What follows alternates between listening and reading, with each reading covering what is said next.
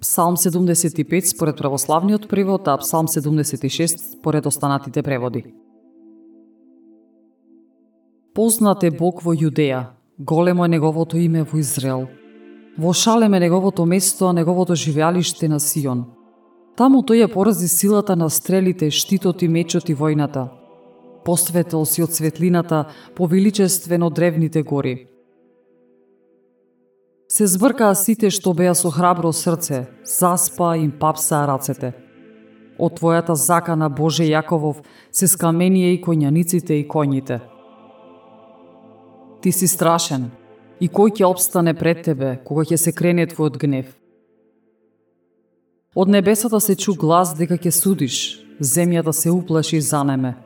Кога Бог стана да суди за да ги спаси сите угнетени по земјата, зашто и преку човековиот бес ти ќе се прославиш, и остатокот од нив ќе те прославува. Заветувајте се на Господ, вашиот Бог, и исполнувајте ги заветите, сите што сте околу Него, принесувајте дарови на страшниот, кој ги скротува духовите на кнезовите, од кого се плашат и земните цареви.